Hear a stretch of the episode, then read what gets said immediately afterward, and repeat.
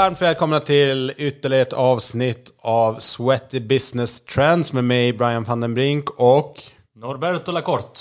Yay! Härligt! Ja, men kul att höra och läsa all feedback vi har fått på de första avsnitten. Det verkar vara ett uppskattat format. Eh, trendspaningar och eh, ja, egna sanningar och tankar högt och lågt helt enkelt. Egna sanningar. Betoning. Väl underbyggda dock. Ja, absolut. Eh, nej men härligt, vi rullar ju vidare med det här konceptet och idag så har vi tänkt att vi gräver djupare i hemmaträning som eh, har förändrats och sannolikt kommer fortsätta förändras eh, kraftigt framöver. Givetvis drivet av pandemin och eh, dess följdverkningar men också generell digitalisering i samhället. Vad tänker du spontant kring ämnet home fitness? Ja, det, är ju, det är ju också drivet av media i, i mångt och mycket på grund av att det, det är media som har skjutsat upp det här som det hetaste som händer inom fitnessbranschen. Ehm, så att det är intressant. Det är, det är brett. Det är jäkligt brett och alla vill ha en del av det, vill ha en bit av kakan. Alla. Ja. Och då snackar de liksom, alltså när Lidl går in och börjar, börjar erbjuda träningsutrustning på sina, eh, i sina butiker, då, då vet man att eh, det är en stor marknad som många vill ha en del av. Nej, men det är ju superhett såklart. Och sen har det ju mycket varit så här, är det ett hot eller en möjlighet om man ser det ur traditionella gymbranschens eh, sätt att se det. Och det är klart att eh, medlemmarna spenderar kanske mindre tid på gymmen, liksom fördelar sin tid på olika sätt, på olika typer av träning, utomhus, hemma, på kontoret, många företagsgym och så som, som växer fram också. Eh, är ju såklart på ett sätt ett hot, men också ja, en möjlighet eller liksom en uppmaning att gymmen att innovera och tänka hur kan man vara relevant i hela det här och supporta det här nya beteendet där, där det finns mer eh, träningsmöjlighet på gymmet och utanför och kanske allra mest utanför gymmets fyra väggar. Så eh, ja, vare sig man vill eller inte så får man ju ta hänsyn till den utvecklingen. Ehm, um, Alright, utvecklingen under pandemin då som har blivit någon som har väckt hela, det var ju på gång innan men inte alls på samma sätt som under pandemin. Och eh, ja, det som hände vet ju alla. Eh, det slog till. I Sverige blev det ju eh, rekommendationer. Eh, I många, många andra länder som vi varit inne på i tidigare avsnitt så var det ju total nedstängning. Och där var faktiskt gymmen i många länder en av de största röda flaggorna. Eh, inte underbyggt av någonting mer än bara rädsla för människor som svettas och andas tillsammans i tajta utrymmen. Så att det var det man visste då. Men det verkar ju också, om man tittar på Friskis och Folkhälsomyndigheternas eh, undersökning som man gjorde under pandemin. att ja, På de medlemmarna eh, som Friskis hade som man undersökte så var det ju inte högre risk att bli smittad på gymmet än, än någon annanstans. Så det, det verkar som att det var en eh, väldigt obefogad eh, kritik. Eh, så. Men, eh, men det är självklart, det var ju, det var en stor skrämselhicka för, för hela branschen. Träningsappar växte fram under eh, pandemin, alltså de växte ännu mer. Eh, 45% upp i nedladdningar i USA under pandemin. Största kategorierna där, outdoor, yoga och mental hälsa var de som växte allra starkast. Tankar? Mm. Ehm, ja, men jag tror det kommer bli starkare och starkare med Torre Hälsa. Eh, eh, De här som eh, erbjuder alltså appar för, för just specifik hemmaträning, det är ju undligt eller konstigt kan man tycka att de inte växte mer. Då. Men folk ville ju vara ute mer. Så att det kanske är en självklar utveckling. Nej men exakt, de växte ju också men det var ju jättepik åt just utomhus, yoga och, mental hälsa. Där, där liksom man såg att det kraftigt växte. Och eh, topp 10-listan i USA, så kan jag bara nämna några då. Eh, topp 5. Calm, eh, Flow Health, Fitbit, MyFitnessPal och en som heter Fitness Coach. Så ehm, de apparna som är kanske household här i Sverige om man tänker sig Strava eh, och liknande. De är liksom inte med på, på kartan när man kollar på topplistan. Nej, det skiljer sig ju ganska mycket. Vi är ju ett folk som gillar att träna utomhus redan från början. Så att det är många som kanske inte har samma behov av att, eh, ladda ner en app för att just göra det. Nej. Nej, men vi, kommer, vi har en sektion i den här som handlar just om träningsappar. Men man kan ju också utmaning liksom med lönsamhet på träning. Så mycket fokus på appar och värderingen utav dem har ju varit på användare. Och många har ju gratisversioner som är extremt generösa än så länge. Så att eh, förmodligen så är det väl någon plan att man ska kapitalisera antingen genom betalfunktioner eller liksom partnersamarbeten och så. Eh, men man kan ju också konstatera att det finns otroligt mycket bra gratis innehåll eh, lite här och var. Inte minst YouTube som kanske är en av de största om man säger träningsapparna eller tjänsterna, streamingtjänsterna där det finns väldigt högkvalitativt innehåll. Med tanke på att YouTube är eh, världens andra största sökmotor så är det klart att det finns hur mycket innehåll som helst. Men det som, det som ska sägas är att när vi tittar på appar, vi kommer ju komma in på tech, alltså teknologi lite, lite senare. Men, men när det gäller appar så är det ju förutsättningen för att du laddar ner en app är ju egentligen att du vill tracka någonting på ett eller annat sätt. Alltså hur du sover, hur du äter, hur du tränar, om det är styrketräning eller konditionsträning. Um, och det är det vi ser, att det är ju de apparna som ökar, de här apparna som enbart i, alltså, tillhandahåller innehåll, de orkar inte riktigt ta sig upp på de här liksom, topplistorna. Mm. Nej, härligt. Ja, men, eh, och sen självklart så vi ser ju en, en, en hybridkonsumtion utav träning eller fitness som det heter på, på engelska. Eh, mer flexibelt, större access, det finns ett större utbud och eh, träningen kan ske på lite olika platser helt enkelt. Så att, eh, ja, men intressant eh, framtid. Så att det blir ju intressant. Det finns ju olika studier, Les Mills och vi har andra som har siat lite grann i vad kommer fördelningen vara mellan träning på gym och träning elsewhere, alltså bland gymmedlemmar. Och där är det alltid från Les Mills 60-40 till fördel för gymmen. Och sen har jag sett andra studier där det är 25-75, att man kanske 25% av träningstillfällena är på anläggning, 75% kommer ske utanför. Ehm, jag vet inte, jag kan bara ta mig själv så det beror lite på årstid också. Vi har ju iskall vinter och mörk. Och då blir det ju mer nästan uteslutande på gym. Eh, ja. Och sen sommartid så är jag definitivt mer åt 25-75, kanske mer eh, utomhus. Så att, ja, det där kan ju variera beroende på vart man, vart man bor och vilket beteende man har. Frågan är också hur det kommer att utveckla sig framåt om vi... Dels om, om covid kommer komma tillbaka. Eh, och det kommer ytterligare rekommendationer, restriktioner till hösten, vintern.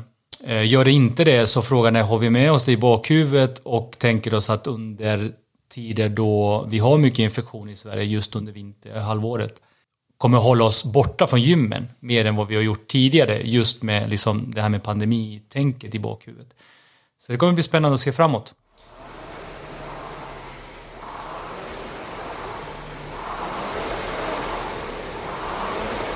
Men du, um, hemmaträning, om vi börjar med hårdvara. Jo. Utrustning, kettlebells, hantlar och liknande. Vad, vad fasen hände? ja, vad hände?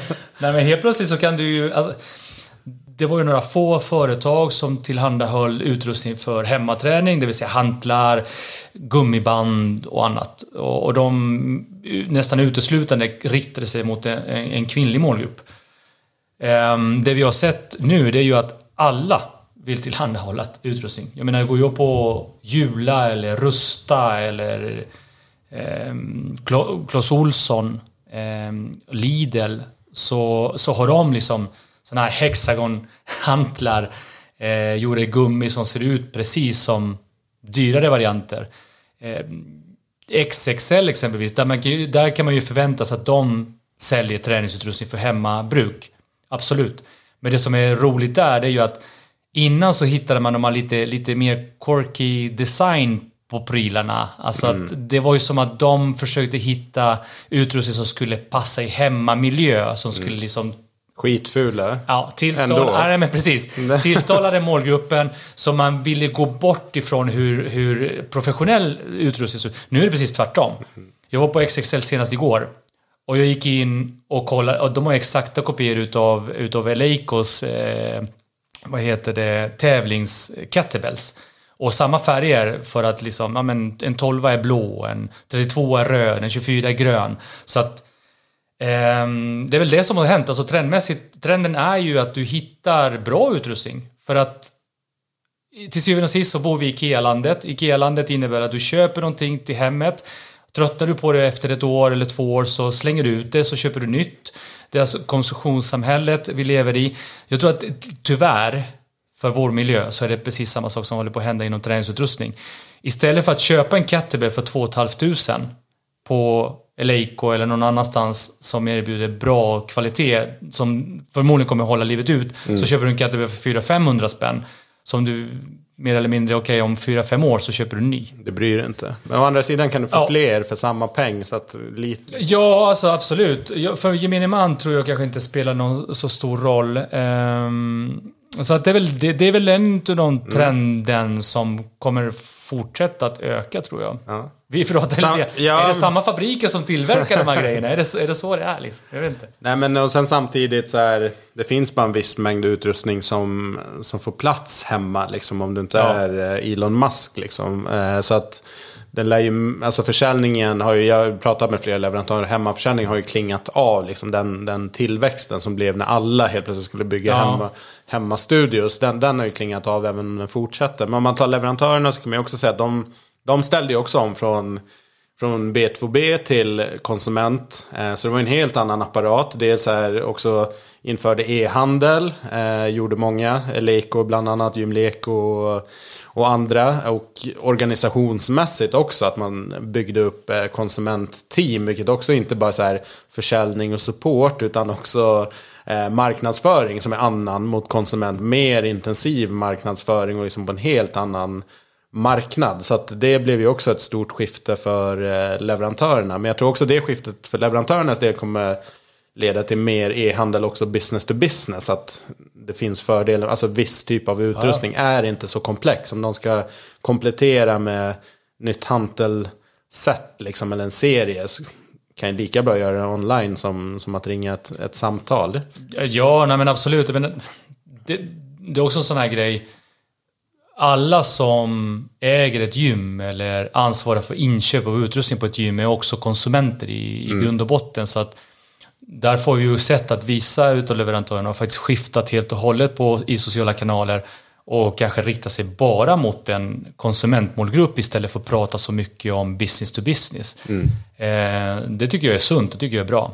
Ja. Eh, Ja men följdfrågan sen blir ju liksom kring content. Det man kan se just på den här hemmaträningsmarknaden om vi tittar internationellt. Då är det ju just att eh, företagen ofta har en prenumerationsmodell. Alltså att man har hårdvaran som en liksom, produkt i, i paletten. Men det är ofta skärmar kopplat till om det är cykel, löpband eller en spegel. Vi kommer komma in mer på mm. hemma, hemmatech. Men det måste ju fyllas med någonting. Eh, färdiga pass. Så där man oftast liksom en hel content. Så att man är en streamingtjänst utav content on demand. Också livestream av eh, olika koncept. Antingen egna eller samarbeten. Eh, så att långsiktiga liksom winnen tror jag på hemmamarknaden det är just den här prenumerationsdelen. För där kan du tjäna pengar egentligen i all oändlighet så länge du har tillräckligt intressant och relevant innehåll. Mm. Medan utrustning, ja men du köper det. Sen kan du ju ha en pryl, ja, vissa grejer kan du ha livet ut, andra kanske du vill byta ut eh, efter två, tre, fyra år för att den, den blir för gammal, det kommit nya modeller, passar inte in i ditt hem och så vidare. Och så vidare. Um, vad tror du liksom kring content? Uh, delen? Ja, det är en bra fråga. Alltså, vi, vi har ju också pratat om det här, vem inom situationstecken kommer att äga träningen för konsumenterna eh, hemma. Är det, kommer Clas Olsson helt plötsligt börja tillhandahålla innehåll? Jag tror inte det. Jag tror att personligen så tror jag att de kommer hålla sig till sin egen business. Sen kanske det blir en annan facit om några år, jag har ingen aning. Men eh, Kommer XXL göra det? Kommer Jula eller Rusta göra det? Tveksamt. Så innehållet kommer ligga hos de som kan träning. Frågan är, finns det alldeles för mycket gratis innehåll som är för bra egentligen? Eller som är tillräckligt bra? Ehm, för att i det stora hela det ska finnas många aktörer som kan mm. överleva på att få in någon form av prenumerationsmodell. Det vill säga jag prenumererar för att få innehåll så att jag kan sköta min träning hemma.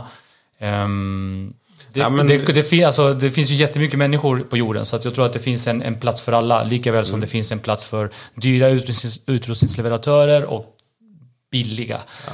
Jag tror bara att det, det kommer bli fortsatt väldigt, väldigt svårt för de här bolagen att behålla sina kunder. Jag tror att kommer det upp något nytt så vill man prenumerera och så kör man på det ett tag. Men frågan är vad händer i det långa loppet? Mm. Hur orkar man bibehålla kunderna? Hur orkar man fortsätta skapa innehåll som gör att jag fortsätter att vara intresserad av att köpa den produkten? När det finns så sjukt mycket som jag bara kan söka på och få upp. Ja. Mm. Nej, men det, är, ja, men det är intressant. Jag tror det kommer gå åt olika spår. Men jag tänker, jag kan likna det lite grann vid poddvärlden. Typ när eh, Spotify köpte Joe Rogans podcast. Mm. Eh, en gratis podd, liksom reklamfinansierad men med liksom en miljon publik. Och så tar Spotify köper en fem miljard in bakom betal. Och så är, ja, jag vet inte vad han har, 14 miljoner lyssnare eller någonting. Det räcker, alltså en miljon av hans lyssnare blir prenumeranter. Så är liksom den finansierad på, på nolltid. Mm. Frågan är liksom det här gratis content, att man liksom surfar runt på YouTube. Jag följer ju lite olika inom olika träningsformer där och kör deras grej. Liksom. Frågan, undrar som flundran om det inte kommer köpas upp. Typ som iFit köpte uh, Sweat with Kayla som är en av de största liksom, träningsinfluencersna. Hennes var ju inte gratis, det var ju betal sen innan. Men nu flyttar man in det liksom, i en betal... Och iFit har, jag tror, en miljon uh, subscribers sen innan. Och så kommer Kayla med, jag vet inte hur många miljoner följare hon har på Instagram, men det är många. Mm. Um, och följer hennes med in. Liksom. Plus att iFit och de, in, de är ju med i en koncern där Free Motion bland annat in, ingår. Så att kommersiell träningsutrustning ute på gym. Så kan man börja feeda ut eh, content på träningsanläggningar och tjäna pengar på licensavgifter ut mot gymmen till exempel. Eller hotell eller vad, vad det nu kan vara för någonting. Så att jag skulle inte bli förvånad med en så, så här uppköp av Um, kreatörer inom fitness. Att de flyttar in. Jag tror inte det blir Rusta eller Clas Olsson. Men alltså stora globala varumärken. Samsung liknande. Bara, men nu tar vi liksom Growing Ananas som är en, en sån som jag följer. Eller finns något annat yoga. Growing Ananas. Ja, någon annan yoga. Vänta, vad är det för något? Du får Nej, men det, det, kontot heter bara så. Men det är en tjej som kör hit uh, hitträning. Jag missat helt. Uh, men det finns ju massor som har liksom miljontals ja, ja, streams och miljontals följare. Så så här, okej, okay, de har allt byggt upp gratis. Men, mm, flyttar in. I don't know. Det är liksom ett tv-hus liksom. Ett, ett, ja, samma tänk, mediehus. Ja. ja. men vi tar David Helenius in. För vi vet, det är många som gillar honom. De kommer följa hans program vad han än gör. Frågan är bara hur du skapar hållbarhet. Det, det vet ju, jag inte. Det är ju, för det är ju det är likadant som en då pratar vi mer om ett medieföretag, mm. mer eller mindre i slutändan. Och då är det så allting har ju sitt bäst före-datum. Squid Game mm. hade sin hype. Eh, frågan är hur långt kommer det att räcka? Har Squid Game fyra, fem säsonger i sig? Förmodligen inte. Nej. Eh, Nej men jag tror att modellen är att man måste tänka som... Eh, jag var i New York för några år sedan och då pratade jag med en nattklubb. Och han sa tre till sex månader. Mm. Eh, får man tänka koncepten. Sen lever ju vissa längre med liksom hypen. Ja. Så att man måste ha en plan om man nu är ett medieföretag. För det är ju det. Du måste tänka som en, du är ju inte liksom ett träningsföretag. Utan du, du är ju som en medie... Att eh, okej, okay, det kanske är en viss livslängd på det här kontot, den här personen. Sen antingen så får vi fimpa det eller så är det någon slags Dallas-variant som ändå har sin målgrupp som, som rullar på. Eh, eller så är det mer så här kampanjtänk. Det här är två år som vi kommer jobba tillsammans med den här kreatören. Sen efter det, in med någon ny som man hela tiden... För jag tror nyckeln med content är att du måste ha... Du måste ha något nytt som händer. Antingen med befintliga att det händer någonting eller att du har nytt som kommer in. Annars så, ja men du fimpar ju Netflix-abonnemanget eller liksom slutar du titta när, när du upplever att det inte finns någonting nytt som du, som du följer. Sen dyker det upp någon ny säsong eller någon helt ny serie som får en hype ja men då kommer ditt tittande upp igen. Så jag tror det här linjära tänket att nu har vi det här och så kommer vi köra Les Mills Body Pump i 150 år. Nej, den tror jag inte riktigt eh, generellt sett på. Men jag tror det finns en bas, basutbud, ja, absolut. Och sen de här liksom mer marknadsmässig. Jag såg att eh, Obama-paret ska ju lämna Spotify. För de upplever det som en för smal plattform. De vill nå ut bredare. För att Spotify-målgruppen, det är bara vissa länder sådär, och vissa marknader och en viss typ av människa som har ett betalabonnemang på Spotify. Så de vill ut på en bredare och öppnare. Så det kommer ju också hända att eh, kreatörerna kommer fundera vad, vad är bäst för mitt varumärke att synas. Vill jag vara cool och kreddig, ja men då kanske det inte är Clas Olssons träningskanal liksom. Utan då, då, då kanske det är, jag vet inte, Mia som kör, jag vet inte om hon heter Mia, som kör på SVT. Där, man kör. So Sofia. Sofia. Ja. Jag vet, var inte om det är hon, jag vet inte om det är hon Sofia till exempel som kör på SVT som kanske passar in mer till mål. Så där måste man ju också hitta kreatörer som passar med den målgruppen som man vill, vill nå. Så att den matchningen är. Ja men så är det. det var ju, jag blev ju, mina, mina föräldrar båda har ju liksom losat jättemycket vikt under pandemin. Just på grund av att de har tränat med Sofia Ja. och tagit långa promenader varje dag. Och så, och de var ju en av de som ringde mig och tyckte att det var helt bedrövligt att Sofia skulle läggas ner. Ja. Ehm, De har lärt sig liksom att, att träna eh, hemma eh, genom tv, linjär, linjär-tv Mm. liksom. Men det är ju en målgrupp till exempel som jag tror, där är det inte så mycket vad är nytt och hett för dagen. Utan det är så här, en regelbunden tid, en person man känner igen och förtroende för. Och det kan takta på. Jag tror inte att de, Ja. så länge liksom innehållet, det är inte samma pass som kommer hela tiden och man ska kunna addera liksom. Så det, det är ju en sån produkt som jag tror ska kunna liksom takta på år efter år faktiskt på den målgruppen. Men däremot förmodligen så här, yngre målgrupper och andra liksom som här, mer inne på vad är hett just nu, vem, vem följer jag och sådär. Där kan det vara mer utmanande med, med, med, med att behålla dem. Men vi kommer ju in på träningsappar där. Det är ju intressant förhållande mellan könsfördelning och ålder kontra intäkter. Så kan man också fundera. Men vem, vem tror du, bara så snabbt, vem tror du kommer äga själva träningen? För jag tänker mig, det är ju fortfarande så att någon måste ju tala om för människor att så här gör du ett knäböj. Mm. Nej, det kommer vara olika. Självklart, tidigare har varit gymmen personliga tränare, instruktörer. Men det är inte självklart längre. Nu kan det vara en influencer som inte ens kan träning som säger vad du ska göra. Som folk följer. Och så kan vi liksom som är utbildade inom träning. och tycker det är bedrövligt Bedrövligt. Samtidigt så här, de får folk i rörelse.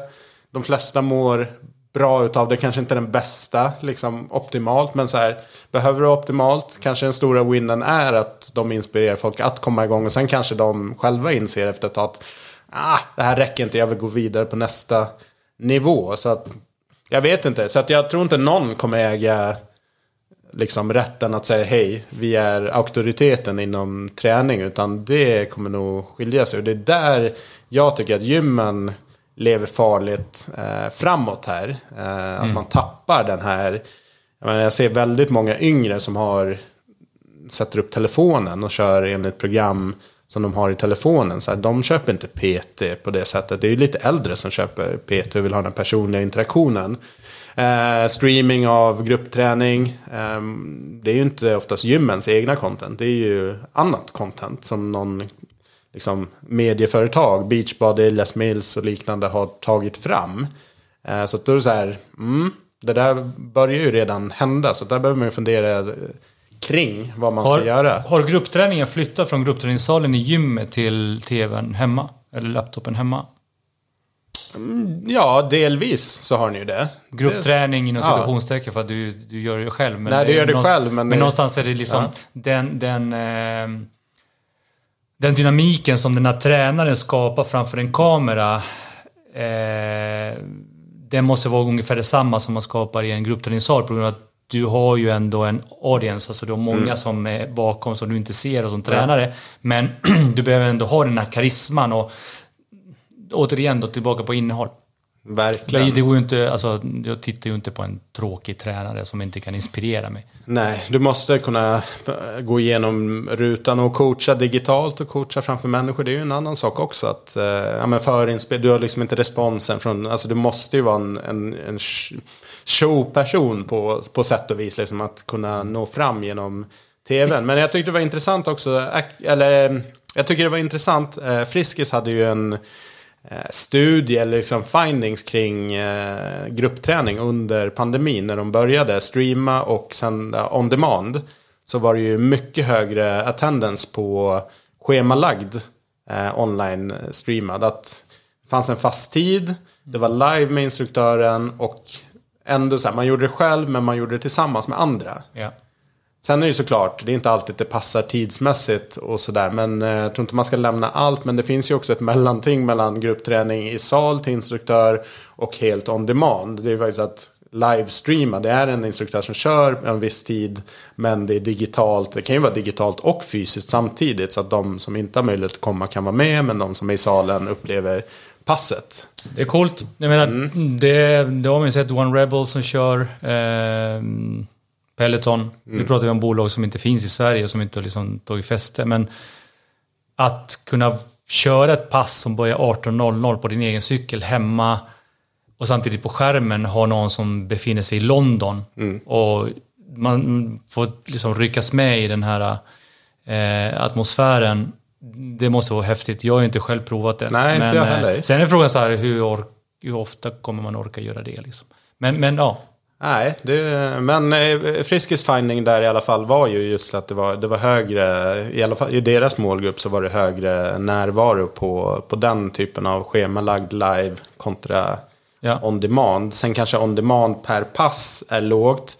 Men i och med att det kan ligga egentligen hur många pass som helst så kanske det totala användandet är högre. Eh, för att ja, 10 deltagare per pass gånger 100 pass i veckan liksom, kontra kanske ett par två, tre schemalagda per dag som är live. Mm. Så att på så sätt, man får ju skilja, skilja på dem. Men, men det är ändå intressant att just att det är schemalagt en viss tid tillsammans med andra. Även om det är digitalt så upplevs det ändå som en, som en stark produkt. Någonting som vi har sett väldigt mycket av. Jag tror att vinnarna har ju varit, om vi tittar på träningsutrustning, om vi bortser från content och bara träningsutrustning Eh, vinnarna har ju varit de som har spenderat väldigt mycket pengar på, eller investerat väldigt mycket pengar på marknadsföring i sociala kanaler. Så är det ju. Vi har ju sett eh, till exempel Kingsbox eh, som är jättemycket på Instagram. Eh, och inte bara dem utan andra aktörer, liknande aktörer som har tagit fram flexibla lösningar. Det vill säga hopfällbara rack för att kunna ha skivstänger och smarta eh, lösningar för förvaring utav utrustning. För de som är lite mer inne på den här funktionella träningen. Eh, det, är också varit, det är också en trend så att säga, kan man säga mer eller mindre, att det är fler och fler aktörer som har tagit fram de här hopfällbara eh, racken och mm. liksom lösningar för just hemmet. Och inte bara så här, det har gått från det här är en jättebra lösning du kan ha i garaget men det har gått från det till att det här lösningen kan du faktiskt ha i vardagsrummet och det följer med ett skåp så du kan ja. stänga. Och, så här. och det där är ju en dröm för mig för jag älskar den typen av träning. Men, men, eh, men, eh, ja, men det är häftigt att se. Men det är också en, en sån här trend som har pågått. Det är ju inte bara i Sverige, inte bara i Europa utan även i USA har, ju varit, mm. har det blivit jättestort. Sen hur mycket de säljer det kan jag inte det vet jag inte. Men, men eh, man har sett mycket av det. Ja. Ja men absolut. Jag tänkte vi, vi glider vidare till nästa sektion som handlar om home tech. Alltså teknologi och hårdvara för, för hemmet. Mm. Eh, där har vi ju en, en massa olika och kategorierna i stort sett skulle man kunna säga är liksom cykling, löpning, styrketräning och sen har du ju massa liksom inom meditation och yoga och sådär. Men eh, vi har Peloton som har varit på tapeten väldigt mycket. Eh, amerikanskt som har kommit lite grann till UK nu som har just eh, cykling och eh, löpning och sen styrketräning och sen prenumerationstjänst. Och egentligen för alla de här så är det kopplat en prenumerationstjänst och för alla de här som vi nämner så är det utom Sats då, så, vi kommer, så finns de ju inte i, egentligen inte så här representerade på den lokala marknaden, utan de, de börjar liksom växa fram. Eh, framförallt i USA. Eh, men vi har Mirror som är en mm. träningsspegel kan man säga. Så tänk en eh, stor eh, smartphone, liksom, fast ja. i full size, som en vuxen människa. Liksom, så att du har en stor och Ofta har de ju optik och liksom kameror så, så att de kan läsa av kroppsrörelser och Fast med dassig, dassig upplösning eftersom det är en spegel. Så du får ju aldrig det här riktiga. Exakt. Så Mirror har du, du har Vitruvian som är, eh, det kan ju du berätta lite grann om, du har ju läst De, på lite grann Ja om men det är ju den här, det är ju också en spegel, mm. mer eller mindre. Men det är bara det att det följer med integrerat i spegeln så följer med utrustning. Ehm, Kablar kan man säga. Ka- precis, kablar och de kan du belasta på olika sätt och den har ju en smart AI som känner av hur stark inom situationstecken du blir över tid och, och då kan liksom föreslå att du ska höja eller sänka och så. Så det, är- det är hyfsat jäkligt avancerat kan man säga. Inte hyfsat utan väldigt avancerat. Eh, den har ju blivit väldigt eh, väl renommerad bland i alla fall de reviews jag kollar på att har man jämfört då vanliga speglar mot spegel med, om, om vi bara tar generellt, spegel med inbyggd utrustning som den här, den här kabellösningen, så har den varit att föredra för många på grund av att då slipper man ju ha annan utrustning liggandes. Exakt, och kollar man så studier kring hemmaträning och ehm, varför man kanske tycker det är tråkigt med hemmaträning så just eh, community, att man saknar andra att träna tillsammans med. Men nummer två så brukar det vara just utrustning, att det är begränsat hemma. Eh, du har liksom inte en full range av hantlar och, och vikter, du kanske inte har plats för en cykel eller ett löpband för, för den delen. Så att just att kunna baka in det på ett smart sätt. Och du kan ju belasta med, jag vet inte vad maxet var på just Vitruvian, men det var ju alltså bra tungt som du kan, Ja, över 100 kilo liksom, som du kan belasta. Så att det går ju att få riktigt tuff motståndsträning utan att ha extra utan för att kablarna kommer ut ifrån själva enheten. Precis. Och där är det ju, de är ju smart byggda, så det är ju, det är ju smart ingenjörer som har varit med och tagit fram de här grejerna. Så att man har ju tänkt mycket på att du ska kunna göra i stort sett alla typer av övningar som belastar alla delar av kroppen på ett bra sätt. Ehm, En, an, en annan spelare på hemmamarknaden som jag tycker blir jättespännande att följa. Det är, det är Apple Fitness Plus. Eh, återigen har inte kommit på... De är på de engelsktalande marknaderna. Nu börjar de rulla ut i Tyskland, Frankrike. Så att eh, Skandinavien får, får vänta. Men eh, det jag tycker är intressant med dem. Dels är prisnivån eh, runt eh, ja, 7-8 dollar per månad. Så att typ 60-70 kronor per månad för ett enormt eh, bibliotek. Eh, de har också så här, jag ser verkligen hur de har kollat på mål, vad är painsen för människor? Var, varför får man inte till det? Så att bara sen, en sån grej som tid. Att alla pass är skalbara, liksom, allt från 10 minuter upp till 60 minuter. Så okej, jag har 15 minuter. Då kan du köra det här hitpasset i en 15 minuters version. Jag kan köra i en 30 minuters version. Ehm, representationen.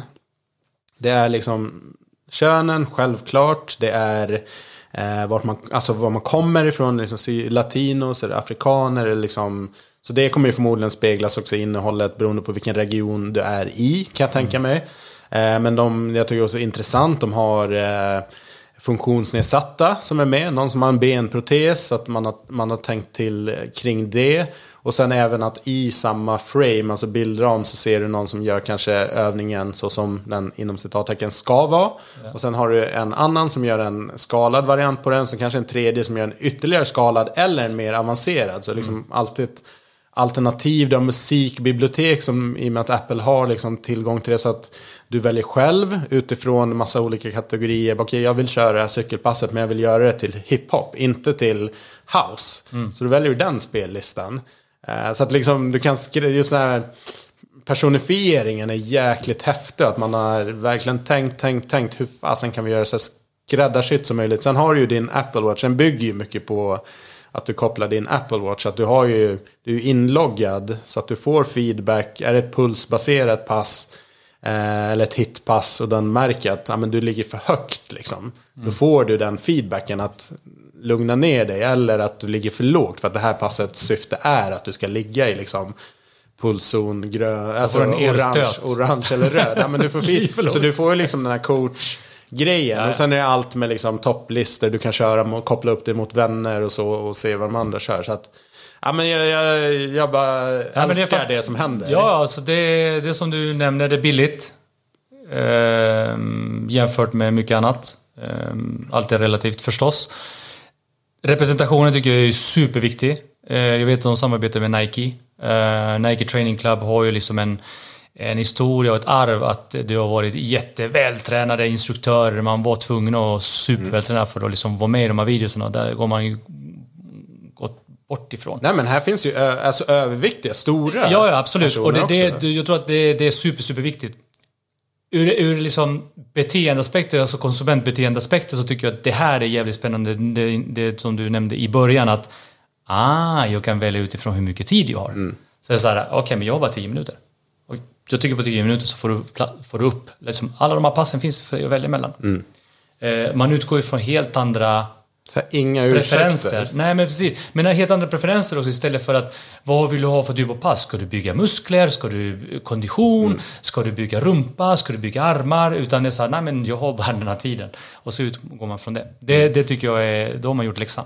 Ja, den är superhäftig verkligen. Men med deras liksom kassa och kunskap. De kan ju köpa all kunskap och har ju byggt ett starkt team kring det. Men jag skulle säga att det här är det bästa som jag har sett i form av att liksom bygga en, en, en upplevelse. Såklart, de har sitt ekosystem som de har gjort att du kan koppla klockan till det. Du har allting samlat på ett ställe. Så det är inte bara att knäppa med fingrarna och göra det, men hur de nyttjar det. Och sen liksom just till prenumerationsmodellen, liksom att ja, för en, en rimlig peng ändå per månad så har du ändå sjukt bra content. Jag tror inte de kommer ha issues med att liksom fylla på. Nej. Och om det är några som kan göra feta samarbeten. Jag menar varför skulle inte de kunna sätta Kim Kardashian hon behöver ju inte kunna träning. Det är hon behöver bara DMa Mm. det liksom. Och så bara, oh, här hade vi 20 miljoner unga tjejer i den här liksom, intressekategorin som tyckte att det här var kul.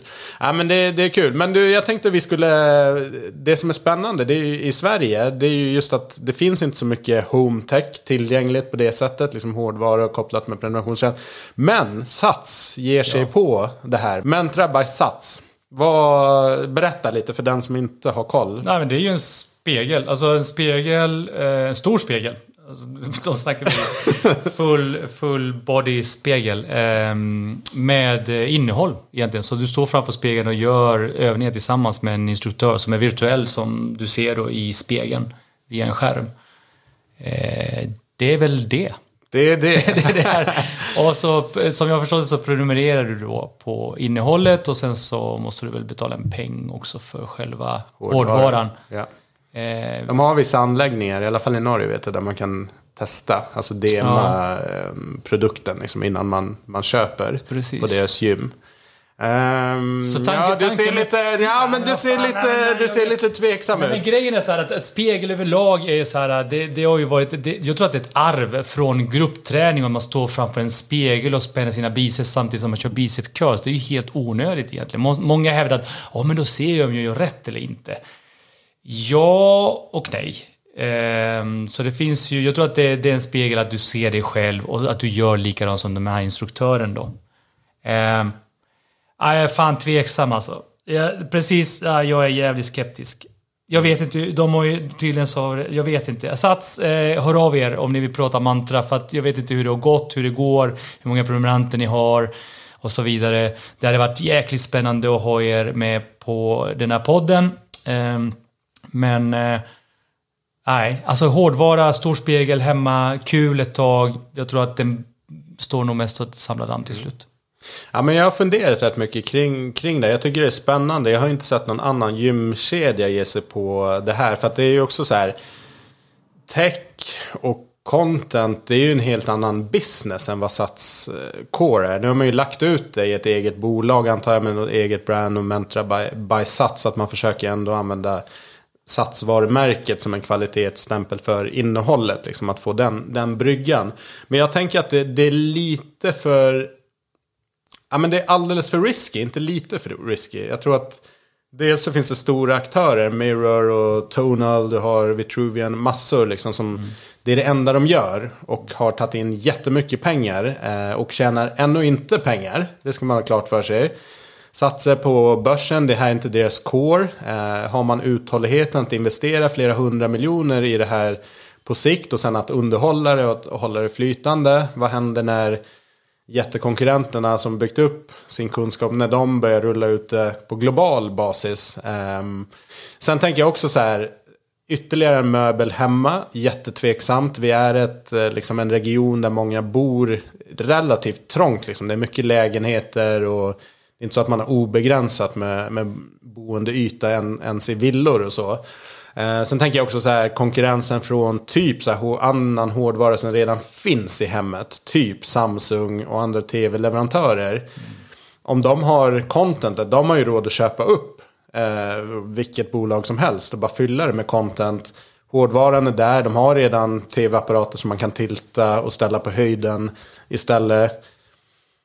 De skulle ju kunna göra det och sen har du bara, du behöver inte ytterligare en möbel. Ja, men alltså, den största konkurrenten är ju egentligen den skärmen du har hemma och YouTube. Mm. Det är liksom den största konkurrenten till, till Mentra som jag ser det. Ehm, det är klart att det finns fördelar och många vill ha det, de tycker det är snyggt. Fördelen är väl att det är väl den enda som finns på den skandinaviska marknaden. Ja, de andra som vi har räknat upp, de finns ju inte här och vet inte ens om de ens kommer att lanseras här. Ja men det är frågan det liksom. Det känns som att man behöver en viss skala utav användare. Men jag vet inte om de har räknat på att baserat på sin egen eh, liksom, medlemsbas. Att x antal medlemmar kommer vara intresserade mm. av det här. Och så att man kommer kunna nå nya. Att man ändå kan räkna hem det. Så jag tänkte så här, kanske det här är en varumärkesgrej också. Att man gör ett sånt där för att liksom visa på att man är en marknadsledare. Att man tänker framåt och liksom har nya nya affärsben eh, framåt. Så för blir det succé så skulle det kunna bli hur bra som helst. Men jag ser också många, många utmaningar. Inte minst att det är så jäkla kapitalintensivt och verkar ta tid innan man får eh, ekonomi i det här. Som sagt var, Peloton de, här, de tjänar inte pengar ännu trots att de Nej. är så hypade och har hållit på i tio, tio års tid med den här grejen. Så att, vi får se helt enkelt. Vi följer eh, med spänning på den satsningen. Friskt vågat, många utmaningar tror jag. Jo, men det, så är det. Bara för att slutligen koppla, alltså ur ett varumärkesperspektiv, koppla eh, Mentra till varumärkessats mer än bara det står by sats. Den har man ju misslyckats lite grann med att liksom förstå att ah, okej, okay, det är ett bolag som tänker framåt och som får med det där. Inte nått ut helt hundra känns det som. Nej, vi får se. Jag ska försöka få med någon ansvarig i podden ja, så får vi höra mer om det helt enkelt.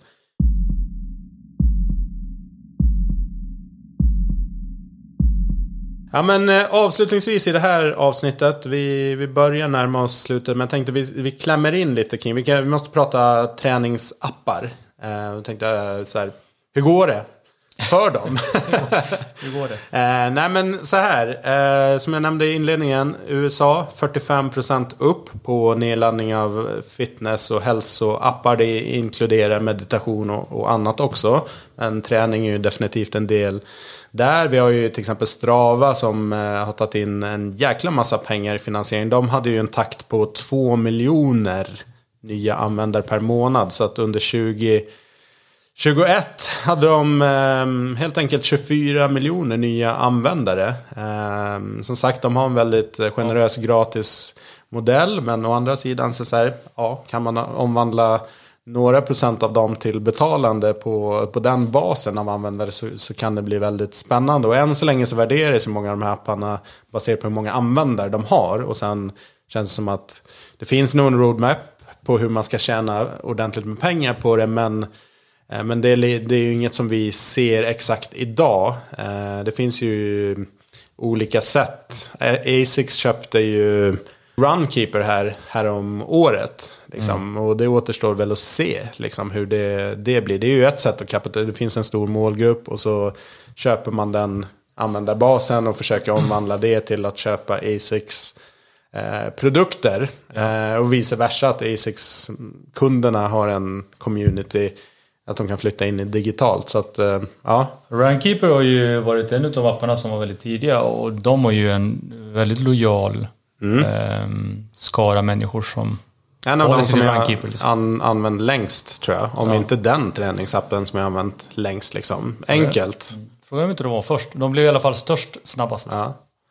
Nej men exakt. Och så, vi pratade ju här, okej, okay, det är svårt att tjäna pengar. Än så länge ser vi inte liksom de stora liksom, kassa korna inom det här fältet. Men eh, om man tittar, vi, vi har ju en eh, rapport som heter The State of Health and Fitness Apps. Så det kan man googla på. Jag kan lägga in en länk till vart man kan ladda ja. ner den. Um, och eh, där kan man läsa, eh, det är från den amerikanska marknaden, men eh, vi, vi tar det som en temperaturmätare. Och där är ju intressant att det verkar som att de apparna som faktiskt har bra intäkter och tjänar pengar, det är ju de som riktar sig, som har en framförallt kvinnlig målgrupp, eller som attraherar kvinnor till största delen. Alltså mer än 60% av användarbasen är kvinnor. De har en betalningsvilja. Där har vi bland annat Sweat by Kayla som blev uppköpt av iFit för 4 miljarder tror jag. Bra jobbat. Kaffepengar. Eh, Better Me. Och de här har ju... Kayla har ju 88% kvinnor och Better Me har 83% eh, kvinnor. Och sen eh, kan man också se en eh, väldigt tydlig korrelation mellan just där andelen kvinnliga användare och ålder. Så att ju äldre kvinnor du har, och då snackar vi inte liksom 80 plus, utan vi pratar kanske 35, 45, där, där, där de flesta är aktiva. Mm. Um, att där också, ju högre ålder, ju mer spänd. Så att yngre tjejer, inte så mycket spänd, äldre kvinnor i det här sammanhanget då, liksom runt 40 och uppåt, 40 till 50 skulle man kunna säga. Där verkar liksom vara det, the sweet har, spot. Det har väl att göra med att de har ju mer pengar att spendera också, antar jag. Ja, absolut. De har mer pengar att, att spendera och ja, men mer tid på ett sätt. Barnen kanske börjar bli lite större och sådär. Man spenderar mer, mer på sig själv men man är också mitt uppe i karriären också vill ha någon, någon lösning som, som funkar i vardagen. Men det är också intressant att apropå representation och så här, men vad ser man för personer i kom kommunikation i träningsbranschen? Då infattar gym och appar. Då är det ju oftast en mycket yngre. Det är ju typ 25-åriga tjejer, killar som är i topptrim. Eh, som är de som avspeglas. Men de som är konsumenten är ju mycket äldre. Och framförallt vem är det man tjänar pengar på är mycket äldre. Sen kan det vara så här, man, man porträtterar en, en bild och sen aspirerar kanske de här 40-åringarna till en 25-årings kropp. Ja, men det är ju persona, men det är ju, det är liksom Men det är ju intressant, vågar man ge sig på att liksom, som Apple då, att verkligen porträttera målgruppen på alla olika sätt kan man nå fler mm. um, och bli starkare i målgruppen. Det är, det är en intressant take på det här. Men vad tänker du kring um, apparna och just kvinnligt, manligt, ålder? Ja, jättesvårt. Um, datan talar för sig själv. Det är ju kvinnor som köper mest appar och som är mest lojala också. Mm. Kring det här med appar. Grabbar är fortfarande, det är mycket strava. Det är mycket... Konditions Ja, precis. Um, det är det ju. Och styrketräning kanske inte är lika intressant att logga på samma sätt som alltså en löprunda. Hur, hur fort, hur långt, hur snabbt, mellantider. Liksom på gymmet så ja, jag gjorde 55 reps totalt av den här. Mm. Vissa gör ju det, men, men det är inte lika logiskt, tycker jag i alla fall, som, som både gym och liksom ute och springer. Traditionell styrketräning får vi komma ihåg inte är, det är ju ganska nytt för kvinnor de har ju liksom delvis inte släppts in lika, i lika stor utsträckning och det har inte varit lika okej okay att Nej. tjejer lyfter tungt och därav så, så finns ju liksom en eftersläpning i det. Därför kanske det finns en lite osäkerhet också och, och därför om man hittar någon som man litar på, som man tycker själv ser väldigt bra ut och kör och då, då jag vet inte, det är bara spekulationer, ja, nej, men jag, jag tror att det, det hänger mycket på det. Idealen har ju förändrats radikalt. Ja, det är bara säga, nu ska det vara ben och rumpa. Det skulle det ju inte vara tidigare liksom, med de här supermodellidealen. Man skulle vara smal och slank och liksom toned. Och det, det idealet finns ju också i vissa delar. Men tittar du ja. på sociala medier och så. Sen kanske det går överstyr liksom att det är så extrem fokus på booty. Men det hände ju inte att det porträtterades på det sättet för 15 år sedan i liksom träningstidningar och livsstils liksom, som har med hälsa att göra. Då var ju inte det den typen av ideal. Det var så här, så får du slanka, tonade ja. muskler. Nu är det så här, bara helge, jag ska ha magrutor, jag ska ha ditten och datten. ja, exakt. Så... Nej, men bara konstatera återigen att apparna som bygger på en prenumerationsmodell för att kunna överleva, trots allt, eh, bygger ju på att du ska logga din hälsa, träning mm. på ett eller annat sätt. Sen träningsapparna är en sak, jag vet inte, du kanske vet mer om hur det förhåller sig bland de här mer mentala apparna, alltså mental hälsa som Calm och Headspace. Där kanske är fördelningen något, om jag inte missminner mig helt, så tror jag att fördelningen är något eh, jämnare bland män och, och kvinnor. Säkert. Jag har inte den datan, men det är kanske en, eh, ett eget avsnitt Ja, av exakt. trend, trendsnacket liksom, kring mental hälsa och så. Men, men det som vi kan konstatera i alla fall att det är svårt att starta en app som du, som, och få folk att bara betala för content. För att det finns väldigt mycket bra content som är helt gratis där ute. Sen, som vi har varit inne på också. Utmaningen är att hålla intresset över tid. Jag såg någon eh, studie här. De flesta apparna tappar sina användare redan efter en månad. Så tappar man majoriteten, 50% plus av användandet. Liksom att man inte längre...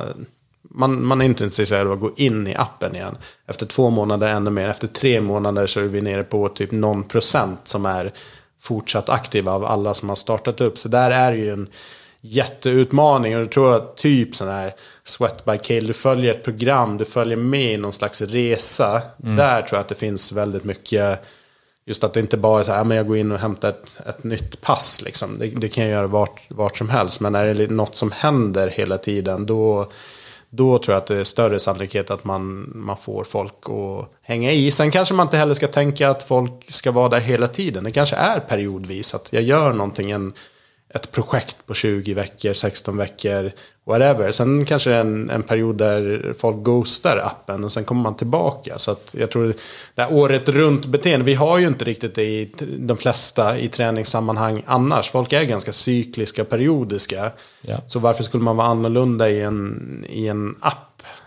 Men det kan ha att göra med just då, det nästkommande avsnittet vi ska prata om, just affärsmodeller. Men jag tror att det har att göra jäkligt Ja. mycket med att mycket av de här apparna, de kör sina eh, rabatter. Liksom. Nu kan du teckna den här appen för halva priset och, och prova på under den här perioden och så är det en månad. Och, och, och sen så kan du säga upp den när du vill, men det är en månads uppsägningstid och då är du inne på två månader. Och, Ja. och så glömmer man bort att säga upp det och så är det ytterligare. Då är du inne på de här mm. cyklerna liksom. Nej men det här är en jättemöjlighet för, för gymmen. Alltså du har en produkt som jag sa, vinter, jättekallt och mörkt för de flesta. Eh, då kanske det är naturligt att vara mycket på gymmet. Det kommer sommarhalvår eller semesterperioder. Digitala tjänster som liksom fyller de här gappen. Ja. Att okej, vi vet att du kommer inte vara på gymmet jättemycket här under sommaren för du är bortrest. Men vi har det här. Alternativt liksom, eller allra helst en produkt som kompletterar året runt. Så att när vi även är på gymmet så finns det grejer. Men som sagt, vi har ett avsnitt. Men så- ska det vara gratis så kommer Nej, det ska inte vara gratis. Eller beror på, är det en marknadsgrej liksom? Men jag tycker inte att det ska vara gratis för det här kostar. Och kostar det att underhålla, skapa content, plattformar och sådär. Då kom, du kommer inte ha uthålligheten om inte det på något sätt, direkt eller indirekt, ger en, en kickback ekonomiskt. Då, att bara en ren gratis som kost, då är det tror jag inte på över tid.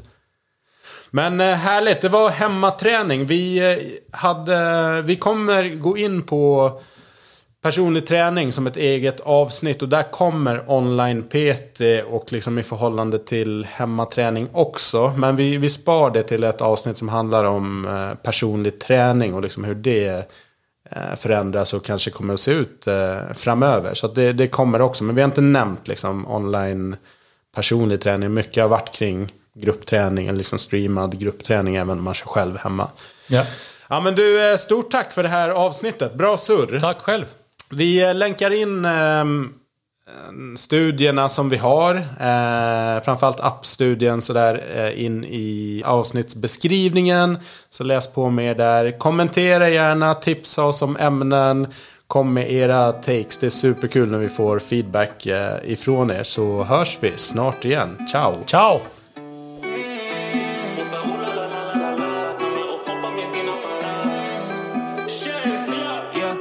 På skoten sen vamos. Dubblade ringarna för att damo. Min vän är min bror, min walalo. Backa din rygg som jag Roberto Carlos. Yeah. Allt som vi kan det är framåt. Få killar spela, de kan nåt. Shuno han spänner sig, tror han är ballo. Har respekt när du pratar med mano. Yeah, jag och min bror kom från ingenting Så vi passar på för det finns ingen garanti. Foton leker, de hjälper till Men när det är dags för hjälp då de byter fil Förut det fanns ingen tid, i nutid vill alla de vara vi. Kolla på oss när vi bränner ekonomin. Hade ingenting, nu vi har nånting. I hattuti, Men jag är stolt för min bror blev skuldfri. Höll på att bli tokig, lärde mig hämta in som bookies Hon sa oh la la la la la la Ta mig och hoppa med dina para Jag sa bitch na na na.